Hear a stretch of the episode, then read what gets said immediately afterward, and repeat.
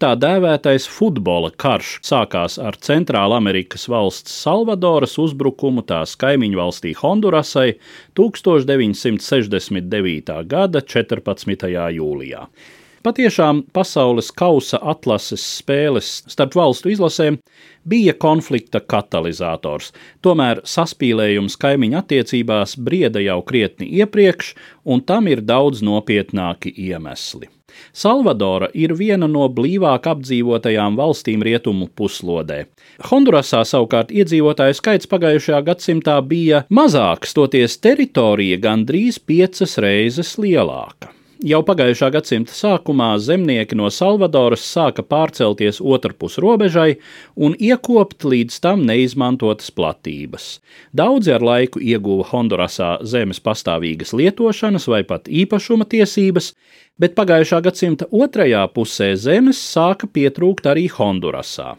Liela daļa lauksaimniecības zemju piederēja lielīpašniekiem, tā skaitā bēdīgi slavenajam amerikāņu koncernam United Fruit Company - apmēram 10% no valsts teritorijas bija nobriedusi nepieciešamība pēc agrārās reformas, bet lielīpašnieki nolēma izlādēt sociālo spriedzi citā virzienā. Viņi izvērsa spiedienu uz ģenerāļa Lopesa Areljāno režīmu un arī paši uzsāka kūdīšanas kampaņu, mudinot padzīt no Hondurasas salvadoriešu ieceļotājus. Rezultātā jaunais agrāra reformas likums brutāli atņēma zemi visiem salvadoriešiem, neatkarīgi no viņu statusa vai īpašuma tiesībām. Valdības spēkiem ātri atradās brīvprātīgi izpalīgi.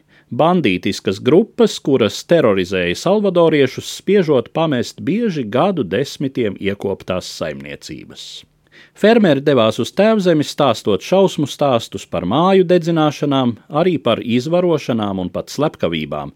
Arī Salvadoras huntai un tās līderim Fidelam Sančesam Hernandesam nebija vēlēšanās meklēt diplomātisku risinājumu, un Salvadorā savukārt sākās nikna pret Hondurasu vērsta kampaņa. Šādā atmosfērā notika futbola spēles 1969. gada jūnijā. Vispirms savā laukumā uzvarēja Hondurasa, tad savā Salvadora, un visbeidzot izšķirošajā spēlē Meksikā papildu laikā pārāka bija Salvadora. Katru spēli pavadīja uzbrukumi ne tikai no kaimiņu valsts iebraukušajiem līdzjutējiem, bet arī pretējās puses esošajiem vai bijušajiem pilsoņiem, kam bija nepaveicies apmesties otrpus robežai. Galu galā Salvadora pirmā uzsāka reālu kara darbību.